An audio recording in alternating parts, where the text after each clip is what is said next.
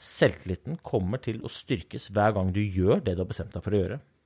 Og du kommer til å bli bedre. Hver gang du sier én ting og gjør en annen ting, ofte fordi man ikke har lyst til å skuffe noen, så bryter du selvtilliten din ned.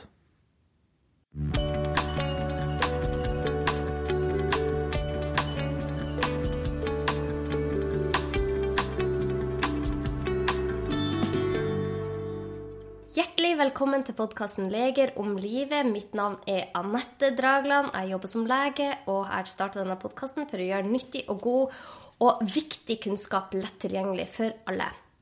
I dag skal jeg ha med meg en gjest som har vært med i podkasten før. Dere kjenner han eh, godt. Han heter Øystein Pettersen. Han er et råskinn på langrenn, har vunnet olympisk gull, er podkasthost, skriver bøker, holder foredrag, imponerer i konkurranse som 'Mesternes mester' og sangsetter tredjeplass som Rabagassen i Maskorama. Og han er nå ute med sin andre bok, 'Helt deg'. En bok om å kontrollere det du kan ta kontroll over, og gi F i resten. Hjertelig velkommen, Øystein.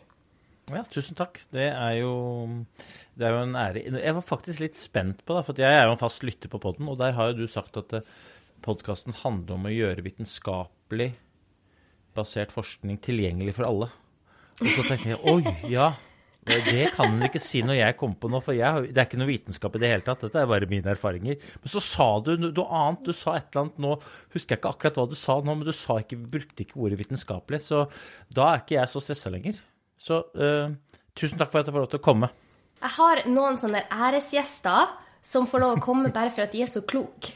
Oh, ja, ja, ja, ja. Nå ble jeg nervøs igjen. Uh, så det, tusen takk for at du trekker meg ned, Anette. Det er, uh, det er, det er Men det, blir, jeg gleder meg. Det er, altså, er alltid en ære å, å, prate med deg. Jeg har jo fått lov til å prate med deg noen ganger. Én ting er på podkast, men jeg, jeg setter like mye pris på de pratene vi har i ulike sosiale medier. Og det, mm, jeg, det gleder meg.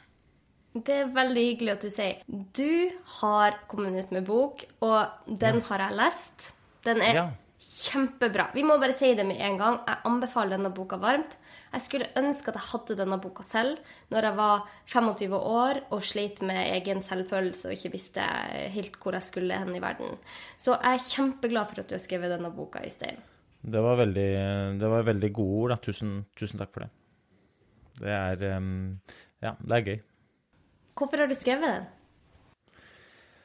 Uh, ja, hva skal man svare på det, da? Hvorfor skriver man en bok? Uh, altså i, i, i, oktober 2021 så, så hadde jeg jo skrevet en bok som heter Helt konge.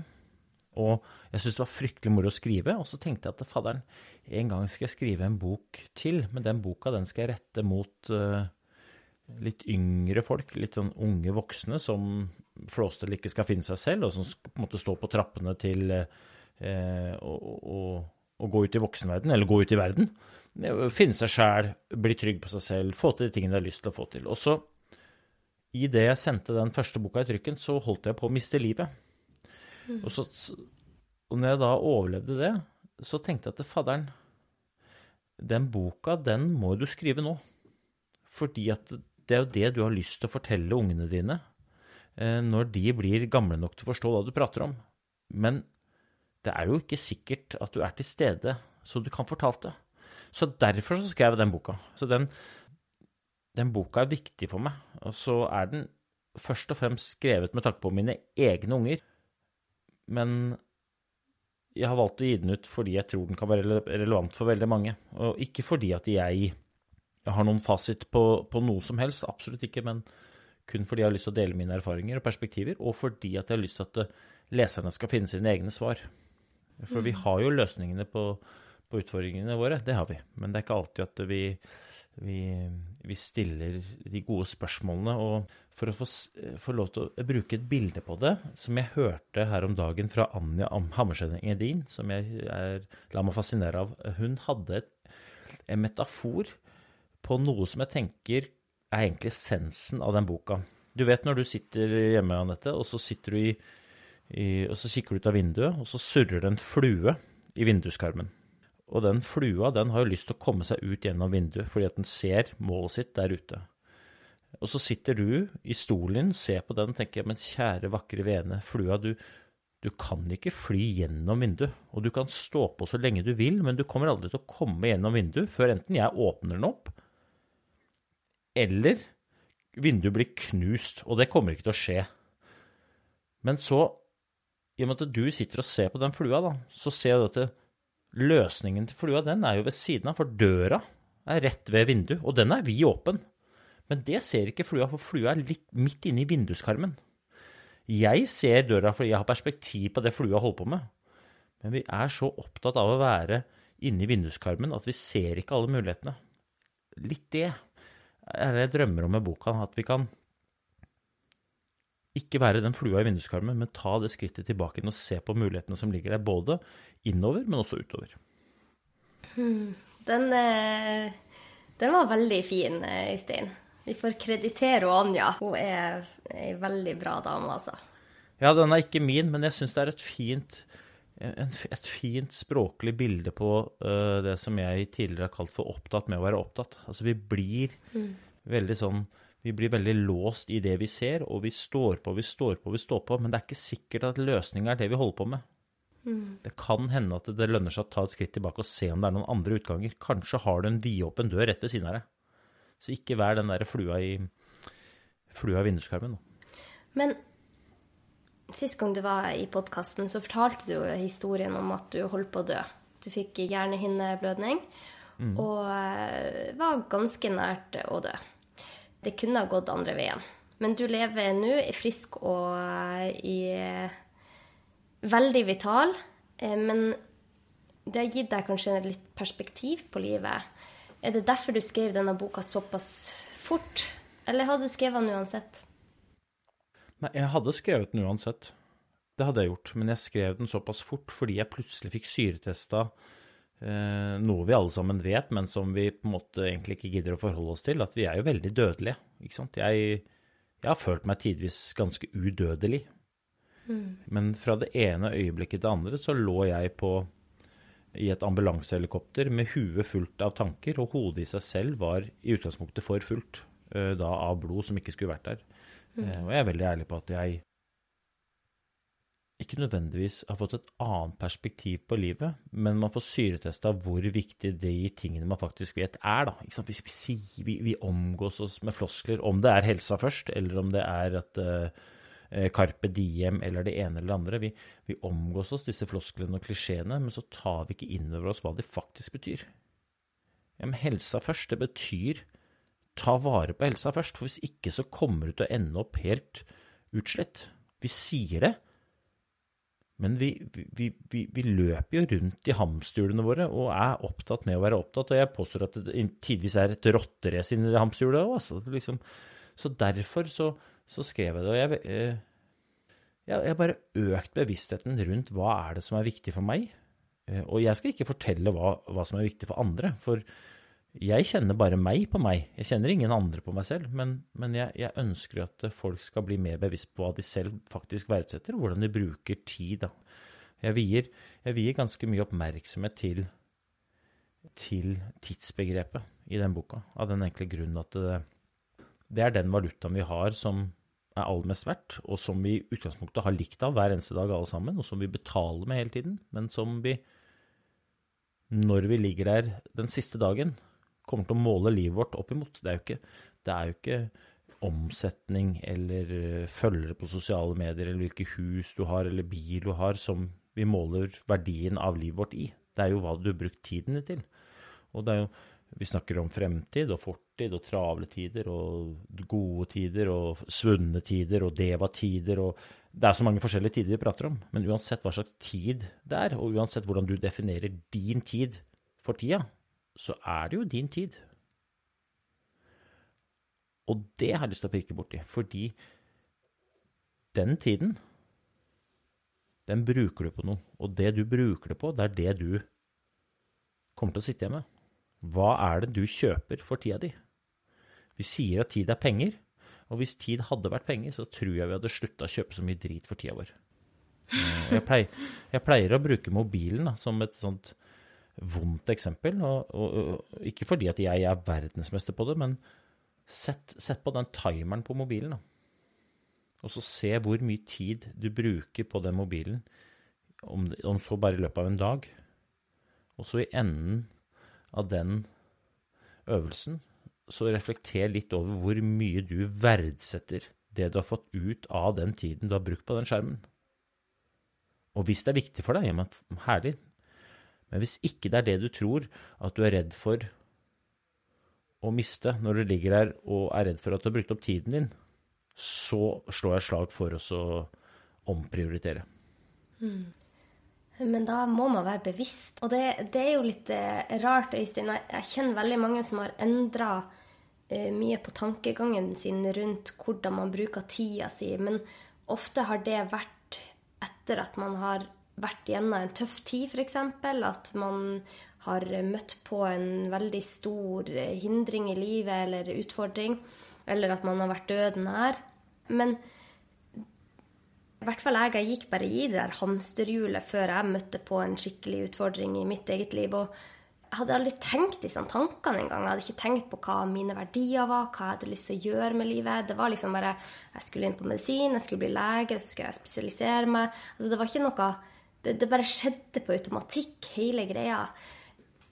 Tror du at man klarer å faktisk gjøre endringer før man selv går på en smell eller møter på en stor utfordring? Ja, ja det tror jeg. Det tror jeg absolutt at man, uh, man klarer. Uh, hvis du spør meg om jeg sier det kommer til å bli lett, så svarer jeg nei. Uh, og jeg, jeg, jeg, jeg, kaller det heller ikke for endringer, da, fordi at endringer er sånn som jeg ser det, bare reaksjoner på noen som blir kasta på deg. Så når, hvis man f.eks. et eller annet skjer med helsa di, så så gjør man en endring. Og det er bare en reaksjon av det som har skjedd. Ok, Du kommer til legen. Legen sier nå må du slutte å røyke fordi at lungene dine er i ferd med å kollapse. Ok, men Da er det veldig lett å gjøre en endring. og Det er bare en reaksjon på det som blir kasta på deg. Jeg, jeg, kaller det for utvikling, og det er jo noe annet. For det er jo bevisste valg. Bevisste handlinger innenfor en ramme som hele tiden endrer seg, men hvor du er ganske bevisst på hva du må gjøre for å få til.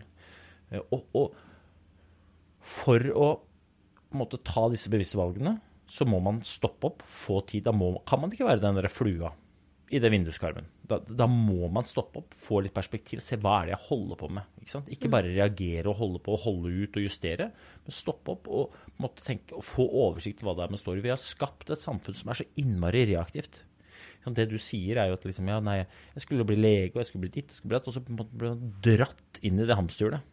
Mm. Og det er veldig fin egenskap å, å, være god til å justere og reagere og tilpasse seg og holde ut. Men når det kommer til å øke bevisstheten rundt f.eks. tiden sin, og hva man bruker den på, så mener jeg at den er håpløs. Fordi at du, du ender opp med at andre tar valg for deg, som legger føring for hva du gjør og bruker tiden din på, istedenfor at du tar valgene dine sjøl. Det er noe helt annet. Mm. Og så tror jeg at uh, veldig mange tenker jeg, jeg, tror Du sa jo jeg har ikke tenkt tankene. Så sier jeg at vi har nok tenkt tanken, men vi, vi gjør ikke noe med den. Altså, jeg, jeg har jo drevet hele livet i Eller hele livet er å ljuge. Men, men, jeg har drevet veldig mye av min tid eh, som idrettsutøver. Og jeg er veldig glad i å skape gode resultater. Selv om jeg sier at de resultatene egentlig ikke er verdt noen ting når du ligger der og lurer på om du har brukt tiden eller ikke. Men det jeg har lært meg, er jo at for å være i stand til å skape resultater. Enten det er innenfor det ene eller det andre. Det kan være at jeg skal bruke mindre tid på mobilen. Så må jeg gjøre noe. Altså det å, å få til handler om å gjøre noe. Mm. Eh, og når man skal gjøre noe, og ofte justere atferd, så må det være krevende. Det er krevende i seg selv. Å justere atferd, det er krevende. Og Derfor så pleier jeg å si at det, ønsker du å ta kontroll, eller har du det som et mål? For hvis du jeg tror veldig mange ønsker dette. Men et ønske skiller seg fra mål på én ting, og det er at du trenger ikke å gjøre noe med et ønske. For ønsket setter alle andre i spill. Og så kan det hende du bor med nissen, og så kan det skje. Eller så kan det ikke du bor med nissen, men det kan gå oppfyllelse likevel. Men hvis det er et mål du har, OK, ja, men da må vi sette oss ned. Hva betyr et mål? Jo, det er noe som kan skje hvis du gjør noe for at det skal gå i oppfyllelse. Jeg sier kan fordi det er så mange ting rundt et resultat som påvirker, men du må erkjenne at det er et mål. Og et mål er krevende. Hvorfor? Fordi du må gjøre noe. Og hvis det handler om å justere atferd, så er det i hvert fall krevende. For det handler om at du må gjøre noe i dag som du ikke pleier å gjøre. Og vi er jo skapt Vi vil ha minste motstands vei. Vi vil jo gjøre det samme som i går. Og derfor så tror jeg at vi blander liksom ønsker og mål. Jeg håper dere henger med, altså. Vi ønsker Carpe Diem. Vi ønsker helsa først. Men hvis ikke vi gjør noe med det, så er det og blir et ønske. Og de kan gå i oppfyllelse. Men min erfaring er at de lettere skjer ved å ha et mål, erkjenne at det kommer til å bli krevende, men å gjøre det som skal til for å få det til. Og da sitter man igjen med gevinsten av å gjøre krevende ting. Og det er å få til.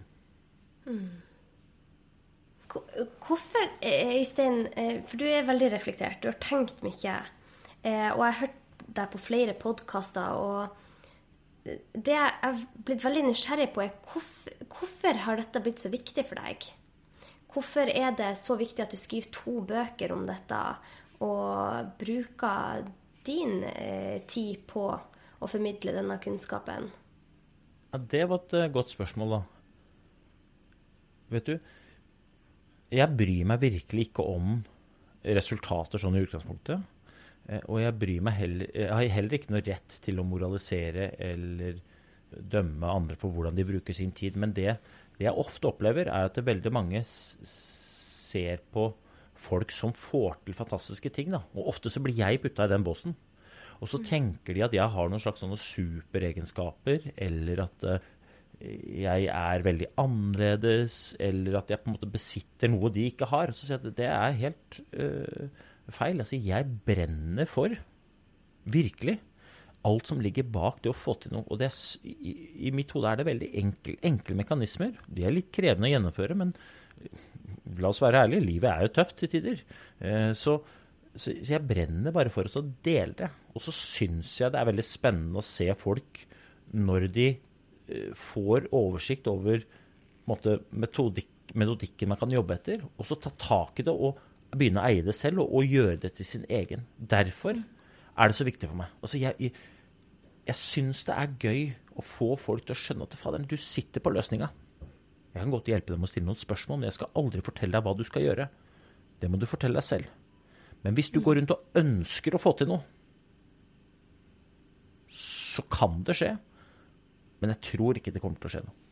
Men hvis du har det som mål, og du kjøper premisset om at da må du gjøre noe, ok, da kan vi begynne å jobbe. Og hvis du, hvis du tegner en prikk, da?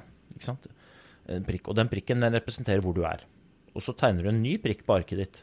Det, er, det, er, det representerer hvor du har lyst til å komme. Så tegner du en pil fra den første til den andre prikken, og så skriver du 'dit' over pila di. Så for å flytte deg fra der hvor du er, og til dit hvor du har lyst til å komme, så har du en pil. Så går du til dit, og så ser du tilbake igjen, og da ser du at dit, baklengs, er tid. For å komme fra den ene til den andre stedet, så trenger du tid. Derfor er jeg sjukt opptatt av hva er det du bruker tiden din på. Og hvis ikke du har tid, så kommer du ikke til å komme noen steder. Og så er det veldig mange som sier ja, men Øystein, du må huske at eh, mitt mål er ikke å Eller du hadde jo mål om å bli olympisk mester. Blah, blah, blah. Eh, vi må sette oss realistiske mål. Og så hva mener du med det? Realistiske mål, hva mener du med det? Nei, mål som, som, som kan oppfylles. Og så sier jeg at ja, men hvis du tar vekk sånne helt utopiske ting som å fly til månen og at det ene og det andre, så, så tror jeg at alt kan eh, realiseres. Jeg tror alle mål er realistiske i utgangspunktet. Men det er ikke realismen måles jo ikke i mål i seg selv. Du kan komme med hvilket som helst mål i hele verden, og så skal jeg fortelle deg realismen i det eller ikke. Hvordan? Gjennom å se på hva du gjør. Men der bommer vi, ikke sant? I mitt hode er det realistisk å bli olympisk mester. Jeg kommer fra en blokk i Groruddalen. Og i mitt hode er det realistisk at en gutt der kan bli olympisk mester. Jeg har gjort det selv. Men det var ikke noe jeg gikk rundt og ønska meg. Jeg gjorde alt som skulle til for å være i stand til at det kunne skje. Realismen i mål måles i atferd. Derfor så kan det være mer urealistisk med et mål som sier jeg skal bare bruke mobilen i jobbsammenheng, enn det er å bli olympisk mester. Fordi atferden til folk er at de bruker ekstremt mye tid på telefonen. Så Derfor er det viktig. Dette er jo noe du har tenkt mye over. Og det er jo, det er jo sånn at hvis ikke man prioriterer tida si selv, så vil noen andre styre den. Det, du vil, Tida di forsvinner hvis ikke du legger til rette for å bruke den på det du ønsker å gjøre, så er det noen andre som kommer til å bruke tida di på noe. Ja, helt enig. Og eh, Men, men det, er distra det er jo samfunnet som er bygd opp rundt distraksjoner. ja, Sant, det er det. For vi, vi, er jo enige om at det, på en måte, et døgn er et døgn for alle. Og så er det noen ting som du må forholde deg til i løpet av de, de timene du har. Og, og det avhengig av eh, ulike personer. Men alle har vinduer av tid som de selv kan ta kontroll over. Og hvis de frislipper den tiden, så kommer omverdenen til å stjele den fra deg. Og, og legge føring for hva du bruker den på. Ikke sant? Og dette handler jo om grensesetting. Dette handler jo egentlig om å sette grenser, og det er vi ikke så gode på. For vi vil ikke skuffe noen. Ikke sant? Det er ingen som har lyst til å skuffe noen. Og hver gang vi sier ja, burde ha sagt nei, så skuffer vi kanskje ikke noen.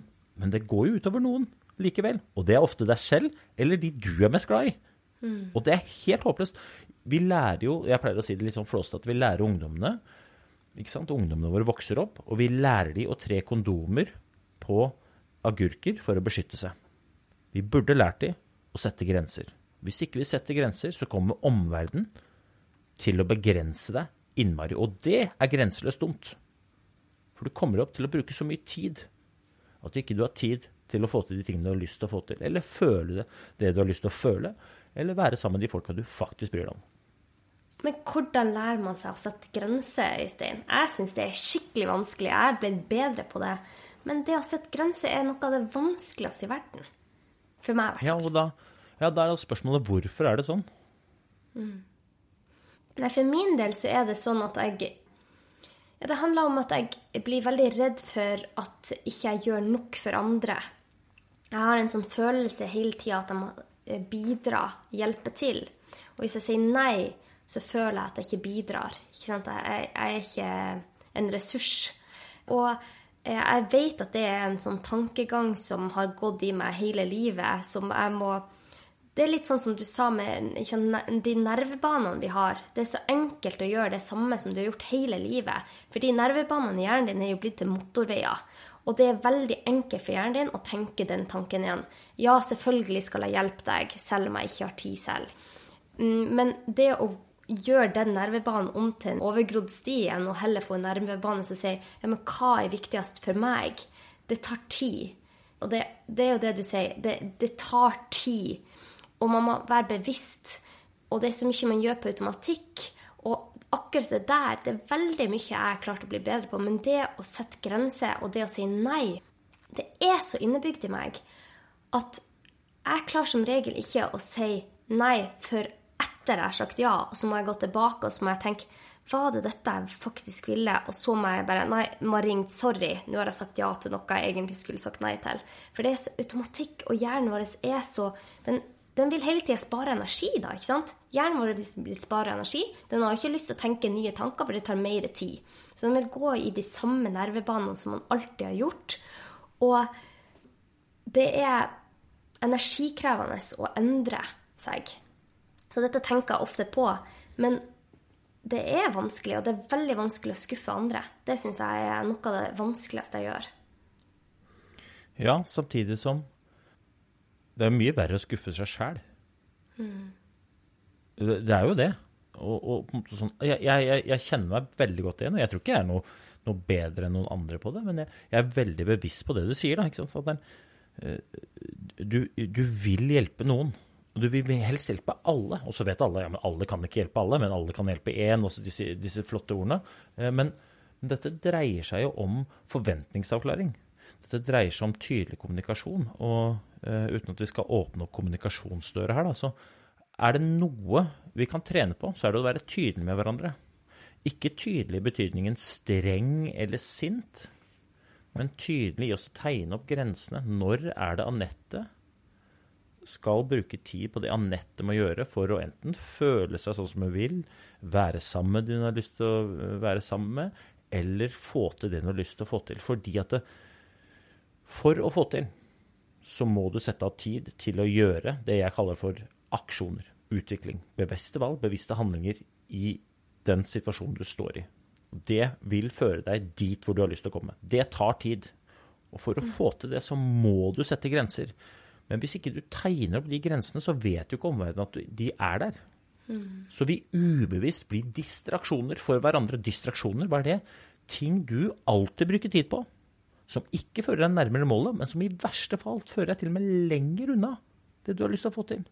Mm. Aksjoner, distraksjoner. Veldig mye av det handler om grensesetting, forventningsavklaring å være tydelig i kommunikasjonen. Både for seg selv, men også for de rundt seg. Altså, tenk deg Karsten Warholm, jeg pleier å bruke han som eksempel. Jeg kjenner ikke Karsten Warholm. Men jeg tror Karsten Warholm aldri tar telefonen når han er ute og løper 400 meter og hopper over ti hekker på veien. Jeg tror aldri han tar telefonen. Hvorfor? Ja, for det er det han skal gjøre for å løpe veldig fort rundt den banen. Og en telefon vil være en distraksjon. Mm. Men tenk deg hvor mange ganger i løpet av arbeidsuka lytteren er i ferd med å løpe sine 400 meter og hoppe over pinner. Telefonen ringer, og de tar den. Mm. Eller at det er en kollega som kommer inn, eller det ene eller det andre. Vi er altfor dårlige til å tegne de grensene. Sette opp grensene, slik at vi får tid til å drive med utvikling. Og ikke bare reagere på de endringene som blir kasta på deg. Mm. Det er det ene og det andre der er jo som du sier, liksom, ja, dette er krevende. Ja, det tar tid. Er det noe vi ikke har, så er det tid. Og er det noe vi ikke liker, så er det ting som er krevende. Men husk, et mål ja, men det er alltid krevende. Hvorfor? Fordi du må gjøre noe. Ofte noe du ennå ikke kan skikkelig. Du øver. Det i seg sjæl er krevende. Men vi har skapt et samfunn hvor vi blir lært opp til minste motstands vei. Altså, internett eh, er kjempebra. Men det har òg ført til at vi har blitt veldig utålmodige. Vi har glemt oss kunsten av å jobbe med ting over tid. Vi blir, vi, mine unger de blir stressa hvis internett bøfferer når de skal se en film på Netflix. Når den går og, teller opp til 100, og det, og det, bruker fire sekunder, så blir de sånn Hæ, hva er det som skjer? Det er masse fint med effektivisering av samfunnet. Men det er litt skummelt at vi ikke lærer oss evnen til å faktisk jobbe med ting over tid for å få til. Mm. For er det noe jeg har lært? Den gutten som jeg var når jeg vokste opp i Groruddalen, brukte masse tid på å bli i stand til å vinne et mm. olympisk gull. Og nå så reiser jeg rundt og forteller det som om det er en slags sånn magisk oppskrift. Det er det ikke. Men det tar tid å få til noe. Og jo høyere ambisjonsnivået er på målet ditt, desto lengre tid antar jeg at du vil bruke. Det er jo selvfølgelig avhengig av utgangspunktet ditt, men det er ikke umulig. Det kommer til å ta tid. Det fordrer at du gjør. Så kan du selvfølgelig ønske at du blir olympisk mester, men da tror jeg ikke det kommer til å skje. Så det der er Jeg syns det er spennende. også. Det kan hende at eh, lytteren blir provosert, men vi trives jo best i komfortsona, og det gjør jeg også. Altså virkelig. Jeg er ikke noe sånn forkjemper for å på en måte ha det grusomt. Men komfortsona representerer det trygge og det gode. Og hvis vi bare er der inne, så kommer det til å begrense oss innmari. Da vil du aldri drive med det jeg kaller for å, å jage etter mål. Fordi mål er ubehagelig. Mål er utenfor komfortsona. Mm. Du vil alltid være der inne. Og jeg skal ikke moralisere over det, men du kommer ikke til Du kan ønske at du får til masse, men jeg tror ikke du kommer til å klare det. Med mindre du bor med nissen.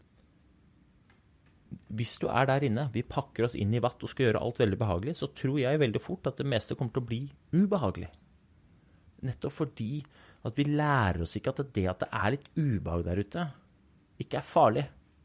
Og det at det er ubehag, det betyr ikke at det kommer til å være sånn alltid. Det betyr bare at du kan kjenne på kontrast mellom nå er det litt ubehagelig, og nå er det deilig. Istedenfor at du bare har det deilig, og så til slutt så kjeder du deg bare. Og så er alt veldig ubehagelig. Jeg mener at uh, Tropp 1, som gikk eh, her på TV 2 i, i høst, jeg mener at det var et fantastisk eksempel på hva som skjer når man i for stor grad er opptatt av at alt skal være veldig behagelig. For det begrenser oss. Han, han ene deltakeren, eh, jeg kjenner han absolutt ikke, men han heter Rassat, og han sa jo at min rekord på 3000 meter er 2000 meter. Og det sier alt om Rassas evne til å være utenfor komfortsonen. Og han syns de 2000 meterne er ekstremt ubehagelig. Alle de meterne er ubehagelige. Og han sa jeg pleier å gi meg litt før jeg blir sliten. Ikke sant? Ja. Og det er begrensende. Og han ønsker helt sikkert at han er i stand til å løpe 3000 meter. Både du og jeg vet jo at alle er jo i stand til å komme seg gjennom ei løype på 3000 meter. Men ikke gjennom å ønske det. Åh, det, vet du hva?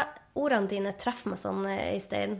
Og siden sist, jeg og du spilte jo inn en episode for en måned siden, og så var mikrofonen min eh, helt Men du sa så mye bra i den episoden. Jeg, jeg må nesten legge det ut som en bonusepisode eller noe. Men eh, Jeg husker ikke hva det var.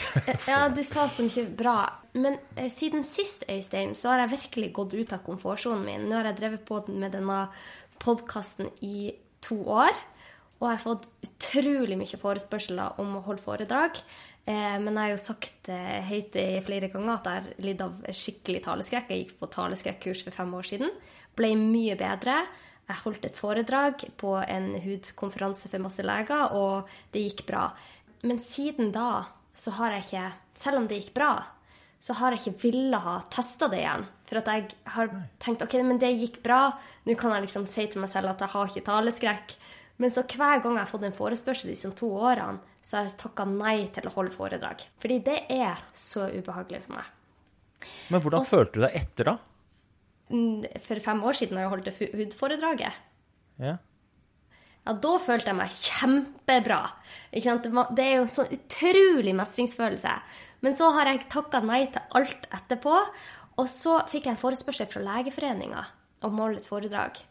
Og jeg gruer meg i tre måneder til å holde det. Jeg har tenkt på det hver eneste dag, men jeg takka ja, fordi at Legeforeninga er en forening jeg har lyst til å snakke med, for at jeg ønsker jo å få til endringer. Så jeg måtte takke ja, og jeg gruer meg hver eneste dag. Og jeg var altså så kvalm før jeg skulle opp på scenen, og sov så dårlig den natta.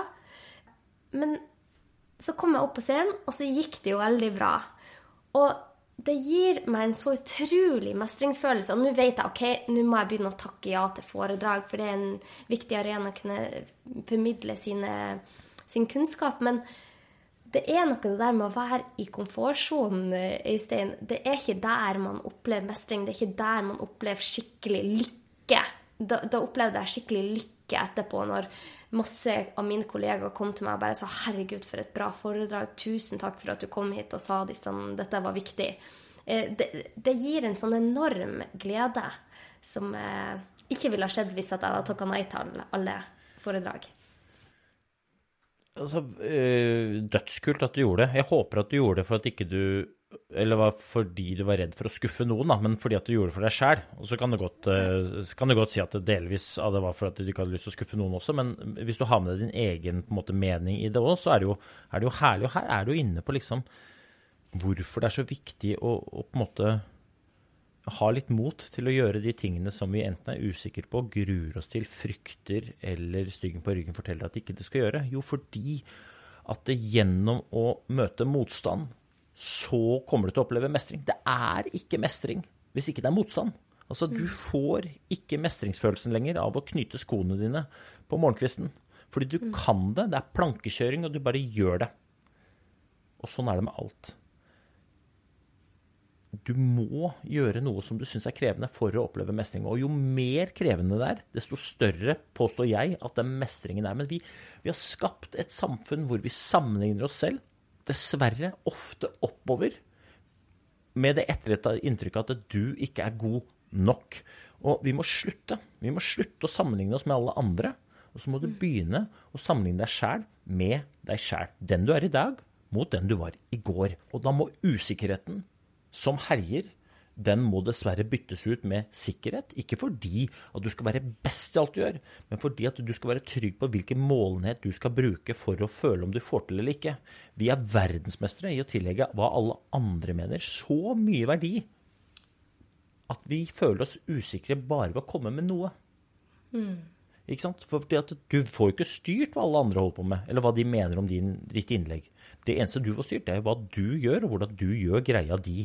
Det kan du styre. Og så må vi få den der usikkerheten over på noe sikkert gjennom å være tydelig på hvilken målenhet vi bruker.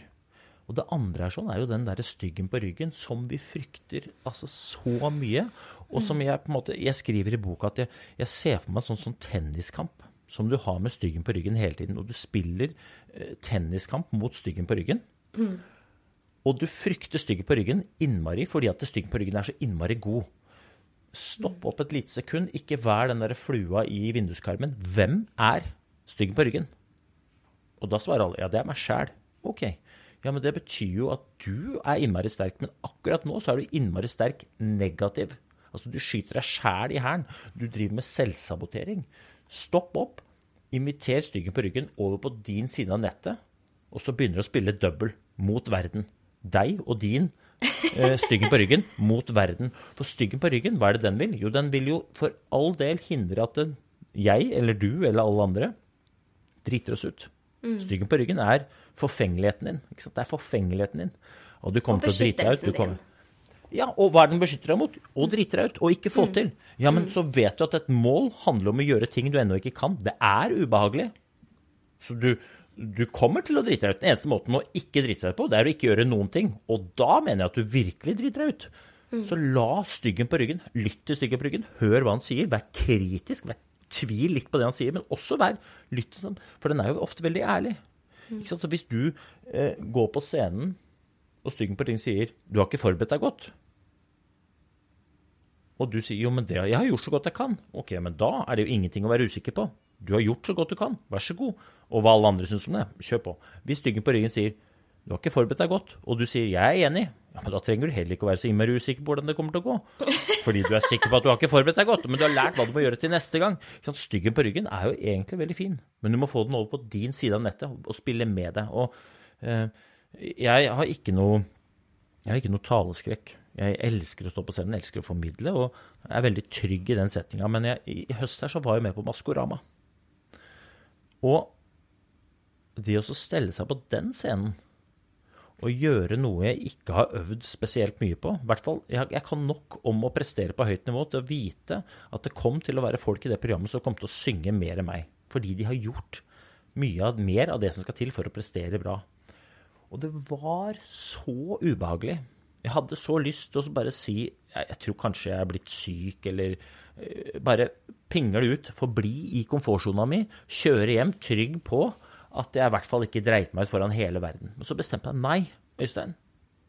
Det er dette her du én prater om, to egentlig lever for.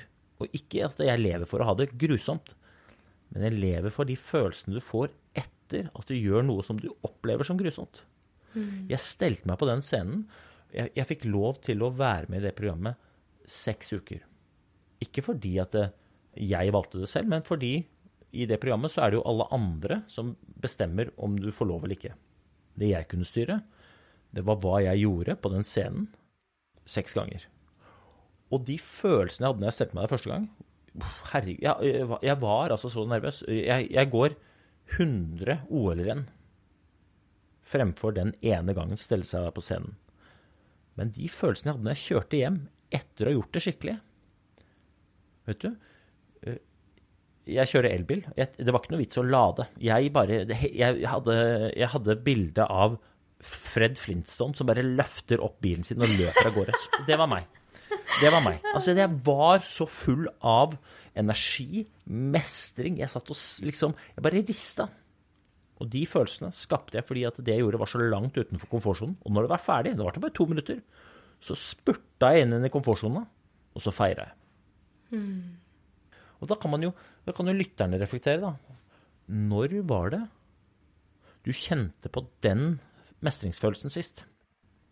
Svaret på det er garantert når du gjorde noe som du frykta, eller som du var usikker på, eller som du hadde øvd på, eller som du la din prestisje i, men som du ikke var helt sikker på hvordan kom til å gå.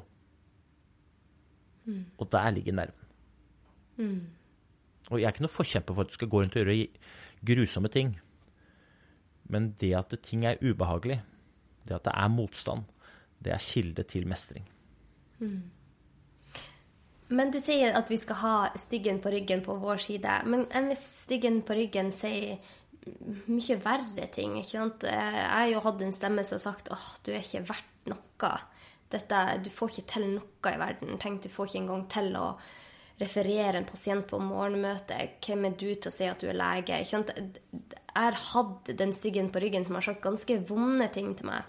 Heldigvis har jeg det ikke sånn lenger. Men hvordan skal man mestre det? Hvordan skal man klare å Hva tenker du er viktig for å klare å, å motgå det og fortelle den styggen på ryggen at disse tankene er ikke sanne. Og jeg tenker, Særlig boka di er jo skrevet for unge, 15 til 30.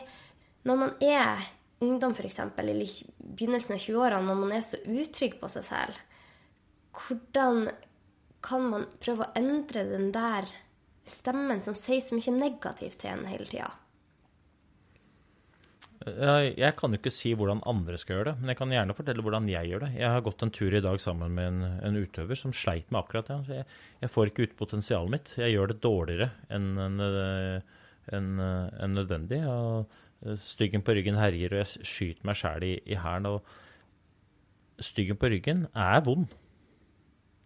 Og den prøver å, å, å trykke deg ned. Hvorfor vet jeg ikke, men vi driver med selvsabotering.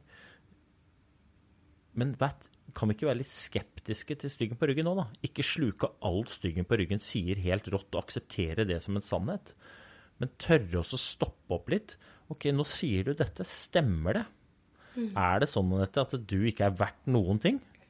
Eller er det sånn at du tillegger det styggen på ryggen sier, så ekstremt mye verdi? Eh, når det kommer til f.eks. dette med bra nok, verdt nok, tjohei, der, der, der, er jeg så, så opptatt av at vi tar kontrollen selv. Ikke la omverdenen definere din verdi, fordi at de har kanskje ikke tid til å se det engang. De er opptatt med å være opptatt og løper rundt i det samme rotteracet som de fleste, i hamsterhjulet sitt. De har ikke mm. tid til å se det. Og da er det veldig lett å føle ja, men jeg blir jo ikke verdsatt. Nei, men hvordan ser du på deg sjæl? Vi er mer opptatt av hva alle andre syns om oss, enn hva vi faktisk syns om oss selv. Jeg, jeg, brenner for å ta eierskap til at det stygge på ryggen, det er deg. Og så er den påvirka av hva alle andre holder på med. Men du må sette dine grenser. Du må sette verdi på deg sjæl. Og hvis, det, her, er liksom, her er vi inne på kjernen. For det, vi har skapt et samfunn som er bygd opp rundt prestisje, rundt staffasje, rundt medaljer, rundt titler, rundt lønn, rundt antall følgere på de ulike sosiale mediene. Og vi, vi putter hverandre i båser basert på dette hvor vi skaper noen som er mye verdt, og andre som ikke er så mye verdt. Og så får vi folk som sier 'jeg er bare', og så kommer det et eller annet. Vi må slutte å si det, og så må vi si, ta kontroll over hvem du faktisk er. Du er ikke resultatene dine. Jeg håper du får gode resultater, men du er atferd. Hvordan du er. Jeg ser folk for hvordan de er mot seg sjæl, og hvordan de er mot andre. Og jeg har vært rundt nok mennesker som har skapt fantastiske resultater, som har vært så harde med seg sjøl at de ser ut som gråpapir. Er de da suksess? Ja eller nei? Hm. De har gode resultater, det anerkjenner jeg. Men du kjører over deg sjæl. Mm. Og så treffer jeg folk som er veldig flinke med seg selv, gode med seg selv, og som stråler, men som ikke har noe av det samfunnet ser på som suksessrikt. Mm. Er de da tapere? Eller er de gode? Så vi må se hverandre for atferd. Det er de som har virkelig får... suksess. Ja, og så er det ikke sånn at du Det er ikke sånn at du, hvis du velger å være god med deg selv, ikke får gode resultater. I mitt hode så er det, er det en bro. Jeg Dette er bare meg. Og, men Øystein Pettersen presterer best når han er god mot seg selv. Jeg presterer best når jeg tar vare på de tingene jeg verdsetter, når jeg bruker tid med familien, når jeg bruker tid på å ta vare på egen helse, når jeg får tid til å sove nok, når jeg får tid til å ta et glass rødvin med kona Altså tid til å være. Og når jeg får, får til det, og er god med meg sjæl, vet du Jeg går på den scenen, eller jobber med de folka jeg gjør, og gjør så godt jeg kan. Ikke betydningen at jeg er best i det jeg gjør, men at jeg gjør de tingene jeg gjør, sånn som jeg har bestemt meg for å gjøre tingene. Og så mm. gjennom å gjøre det, så blir jeg bedre. Målet mitt er å bli bedre. Og i mitt hode er det mer ambisiøst å bli bedre enn å bli best. Av den enkle grunn at jeg har vært veldig nærme å bli best, og brukte det som en hvilepute. Mm. Nå har jeg målet mitt å bli bedre, og da er det ikke noe ende. Mm. Men du var inne på dette med optimaliseringssamfunnet. Jeg har hørt en podkast der du snakker om det òg. Det er jo vanskelig å snu dette, for at det er jo blitt sånn at eh, våre barn, de bryr seg om eh, likes på TikTok. De vokser opp med den der eh, mentaliteten. Og det Jeg ser jo at vår generasjon òg, 30-, 40-, 50-åringer, har jo også veldig mye fokus på sosiale medier, hvordan de legger ut seg selv i skidressen sin på toppen av en fjelltopp. Det, det, det, er veldig, det er et prestasjonssamfunn der vi skal vise oss frem. Mm. Det jeg merker selv, er at jeg har mye mindre behov for å vise meg når jeg har det godt inni meg, enn før når jeg ikke hadde det godt inni meg. Så hadde jeg mer behov for å vise at jeg var noen, kanskje for å styrke min egen selvtillit. Mens nå har jeg ikke det behovet der på samme vis i det hele tatt. Og det ligger vel en del i bunnen er jo dette med selvfølelse og selvtillit. Men du skriver veldig fint om det i boka di, dette med selvtillit. Kan ikke du fortelle? Ja, det gjør jeg mer enn gjerne. For, for det, jo, det, det, går litt hånd i hånd da, med liksom den derre Jeg ønsker jo at uh, folk skal bli trygge på seg sjæl. Og ikke, ikke betydningen høy på seg selv, men bare trygg på seg selv. Det er to forskjellige ting. Og jeg vet at janteloven er i spill her, men jeg brenner for å gjøre mine unger, mine unger og de folka jeg er rundt, trygge på seg selv. Eh, og da pirker man jo borti selvtillit. Og selvtillit er jo noe som veldig mange ønsker at de har mer av. Skulle ønske at de var født med. Mm. Eh, og vi ser på selvtillit og tenker at det er de som er veldig gode i et eller annet har veldig god selvtillit. Eh, og sånn er det ofte. Men selvtillit er i mitt hode veldig enkelt å lage. For det er egentlig, hvis du bryter opp ordet, og jeg liker å leke med ord bare for å få et annet perspektiv på det, ikke være den flua, men bare få litt annet perspektiv på selvtillit. Tillit til deg selv er selvtillit. Tillit til meg selv. Hvordan er det jeg skaper tillit til meg selv? Jo, gjennom enten å planlegge en type atferd eller planlegge en handling som jeg har lyst til å gjøre for å få til de målene jeg har lyst til å nå. Det kan være mindre tid på mobilen, eller det kan være noe helt annet. Og så gjør jeg det når det dukker opp i planen. Eller så er jeg sånn som jeg har bestemt meg for å være når jeg kommer til situasjonen. Sånn bygger jeg selvtillit. Og hvis du tenker over det, så ligner jo det, det å gjøre ting du har bestemt deg for å gjøre, det, det, det ligner veldig mye på det vi kaller for å trene eller øve. Og øvelse gjør mester. Jo mer du øver, desto bedre blir du. Selvtilliten kommer til å styrkes hver gang du gjør det du har bestemt deg for å gjøre.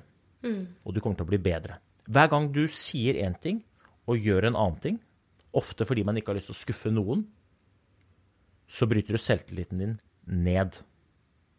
Du planlegger at du skal ha en handling eller være på en viss måte, men så kommer det til situasjonen, eller så dukker det opp i kalenderen, og så gjør du noe annet. Du vet hva du har tenkt å gjøre, men du gjør noe helt annet. Så bryter du selvtilliten din ned. Og ikke blir du bedre av det heller.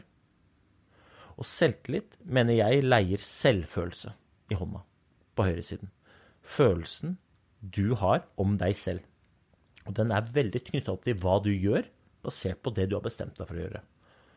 Og på, i venstrehånda så leier selvtillit selvbildet. Hvordan er det jeg ser på meg selv? Jo, jeg ser på meg selv som enten en som gjør det jeg har bestemt meg for å gjøre, eller en som har en tendens til å si dette og gjøre noe helt annet. Og det påvirker. Og enten går den spiralen oppover, eller så går den nedover. De mm. folka som er gode, de har gjort det som skal til for å bli så gode. De har ikke ønska seg dit. De har hatt det som et mål, jobba mot det. Det har vært krevende, men dæven, de har det moro når de står der. De har kjempegod selvtillit. Veldig mange av de har godt selvbilde og selvfølelse. Ikke alle men veldig mange. Mm. Oh, det, er så, det, er så, fint, det, det, eh, visuelle bildet. Selvtillit er tillit til deg selv. Og det, jeg har så trua på akkurat det du sier, Øystein. fordi at når jeg har tillit til at jeg kommer til å gjøre de tingene som jeg har satt meg som mål Eller det trenger ikke være et mål engang. Det trenger å være at OK, jeg ønsker å hente mine barn i barnehagen til den og den tida. Jeg ønsker å ha tid til de, f.eks. Hvis jeg gjør det, så får jeg tillit til meg selv. Jeg stoler på at jeg gjør det som er opp mot mine verdier. Men hvis jeg ikke gjør det, og jobber to ekstra timer, og henta sist i barnehagen, f.eks., så har jeg ikke lenger tillit til at jeg stoler på at jeg følger mine egne verdier. Med en gang man stoler på seg selv, så kommer den selvfølelsen. Og det har jeg opplevd selv. Og jeg unner alle å få oppleve det.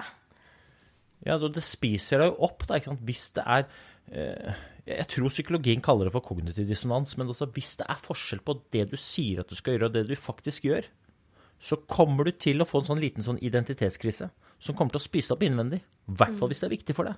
I hvert fall hvis det er viktig for deg. Eh, og, og, dette kan man jo bruke til sin fordel. Det er mange som sier sånn Ja, hvordan, ja, hvordan skal jeg begynne? Ja, men ok, Finn deg noe som du brenner for.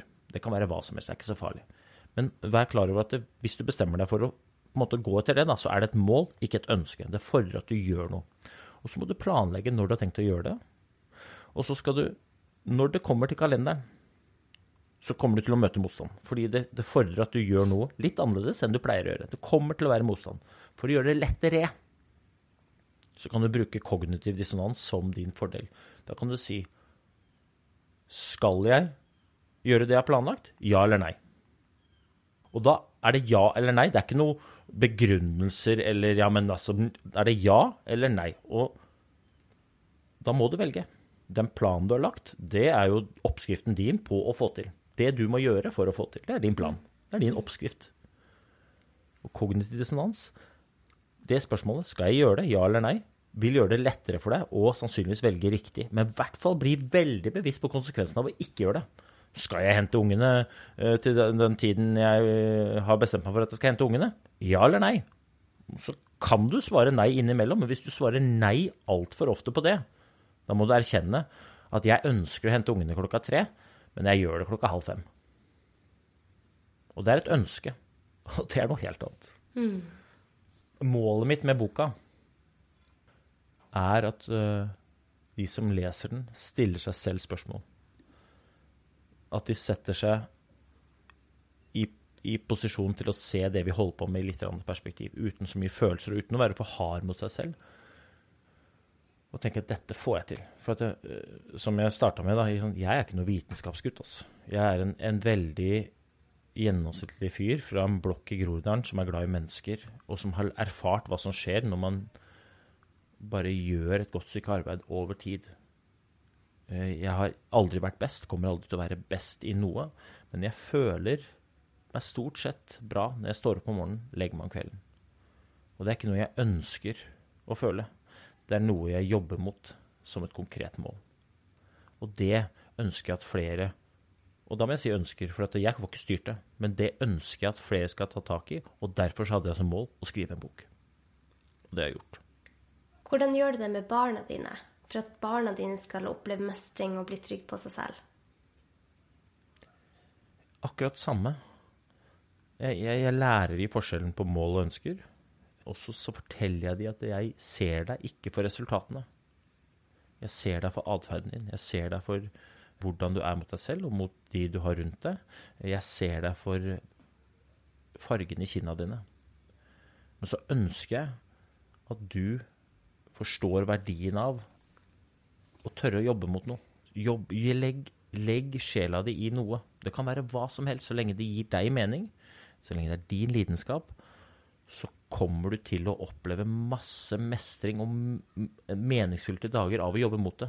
Altså, jeg hadde som drøm å bli olympisk mester. Eh, og det er veldig lite realisme i det. Men jeg klarte det. Og jeg sier ikke at ungene mine skal ha så ambisiøse mål. Det sier jeg ikke. Men jeg sier at alle drømmer kan leves. Det er ikke alle drømmer som realiseres, men så lenge du, du, gjør det du tror skal til for å få til, så lever du drømmen. Det er altså så mange som lever drømmen om å bli olympisk mester. Og så er det bare noen få som er heldige nok til å bli det. Men jeg tror det er mange som kan si fy søren, i mange år så levde jeg toppidrettsutøverdrømmen. Jeg, jeg fulgte den drømmen, og jeg banka på. Jeg fikk det ikke til, men fy søren så moro det var. Og så kan man si ja, men da er det vel bedre å ikke følge drømmen. Og ja, kanskje det. Men hvis du da bruker masse tid, energi og ressurser på ting du ikke bryr deg om, så er det vel bedre å ha en drøm å gå etter. For det, det er mange som sier til meg når jeg jobber med det, at jeg er sliten. Jeg er, jeg er sliten. Og det er ingen som drømmer om å bli sliten. Men det kan være konsekvensen av å gi fra seg kontrollen. Hmm, det er ord til ettertanke. Det er i hvert fall, eh, i hvert fall ord. Hvis du, eh, hvis du fikk muligheten til å gi ett råd til eh, alle 16-åringer i landet, hva ville det vært? Oh. Ja, man skal være veldig forsiktig med å gi råd. Jeg, jeg kan mer enn gjerne dele mine erfaringer, men, men, men rådet mitt må jo være å Jeg sier til ungene mine ta vare på deg sjæl og ta vare på de rundt deg. Det er et, det er et godt råd. For det vil aldri eh, være feil. Men det å være bevisst på hvordan du kan skape trua på deg sjæl, det tror jeg er et eh, erfaringsbasert, godt, velmenende råd. Hvordan de gjør det eh, Jeg har delt hvordan jeg gjør det gjennom boka, men jeg skal ikke fortelle dem hvordan de skal få det til. Det, det finner de ut sjøl. Men hand, jeg er helt sikker på at det handler om også eh, komme seg litt ut av vinduskarmen. Jeg håper i hvert fall alle unge mennesker i dette landet leser boka di og gjør seg sine refleksjoner og ser på hva de ønsker med livet, og hva som er deres verdier, og hva som er viktig for å ha det bra i livet. For det handler ikke om å få til noen svære greier. Det handler om å være tro mot seg selv. Det handler om å kjenne på verdiene sine og se at du faktisk lever etter de. Og at du bryr deg om de rundt deg, og at vi er til hjelp for hverandre. Det, det gir en så god selvfølelse selv. Så, så tusen takk til deg, Øystein, for at du skrev denne boka. Det er jeg veldig, veldig glad for. Selv takk. Og det har vært en ære å være der. Er er altså, som alltid, det er veldig hyggelig å prate med deg. Du er veldig jeg, jeg brenner jo for å gi folk komplimenter. Eh, og du er veldig flink til å lytte, og du er veldig flink til å skape et trygt rom hvor folk kan dele. Så takk. Tusen takk. Det betyr mye at du sier, Øystein. Er det noen steder folk kan, eh, mine lyttere kan nå deg? Eh, ja da, de kan eh, Altså, jeg bor jo på Lillehammer, så det er bare å ta turen. Det er ikke alltid jeg er hjemme, men, eh, men eh, jeg er ganske aktiv på LinkedIn.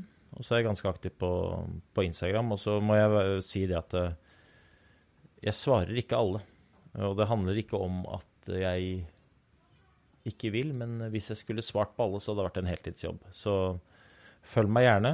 Rekk gjerne ut en hånd, eh, og så ikke ta det som et tegn på at ikke du er verdt noe, hvis ikke jeg svarer. Det kan bare være at jeg prioriterer andre ting som er viktigere for meg der og da.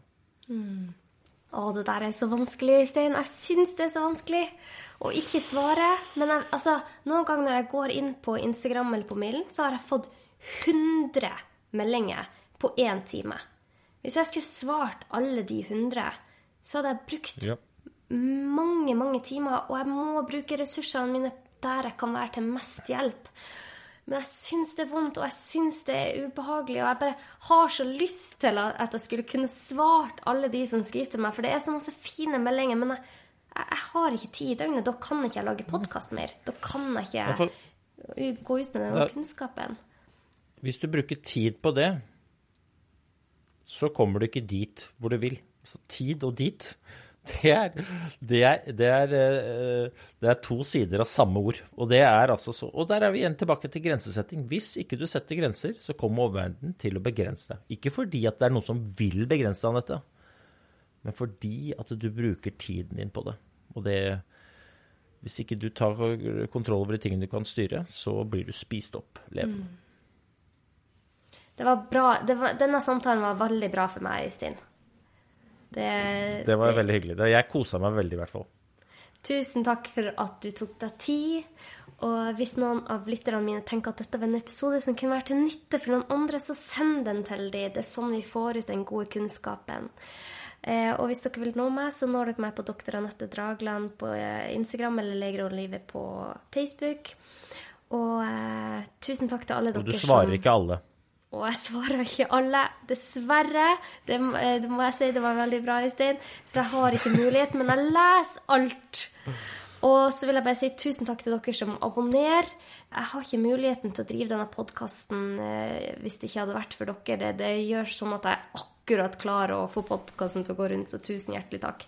Og med det så sier jeg takk for i dag. Ha det godt. Tjoho!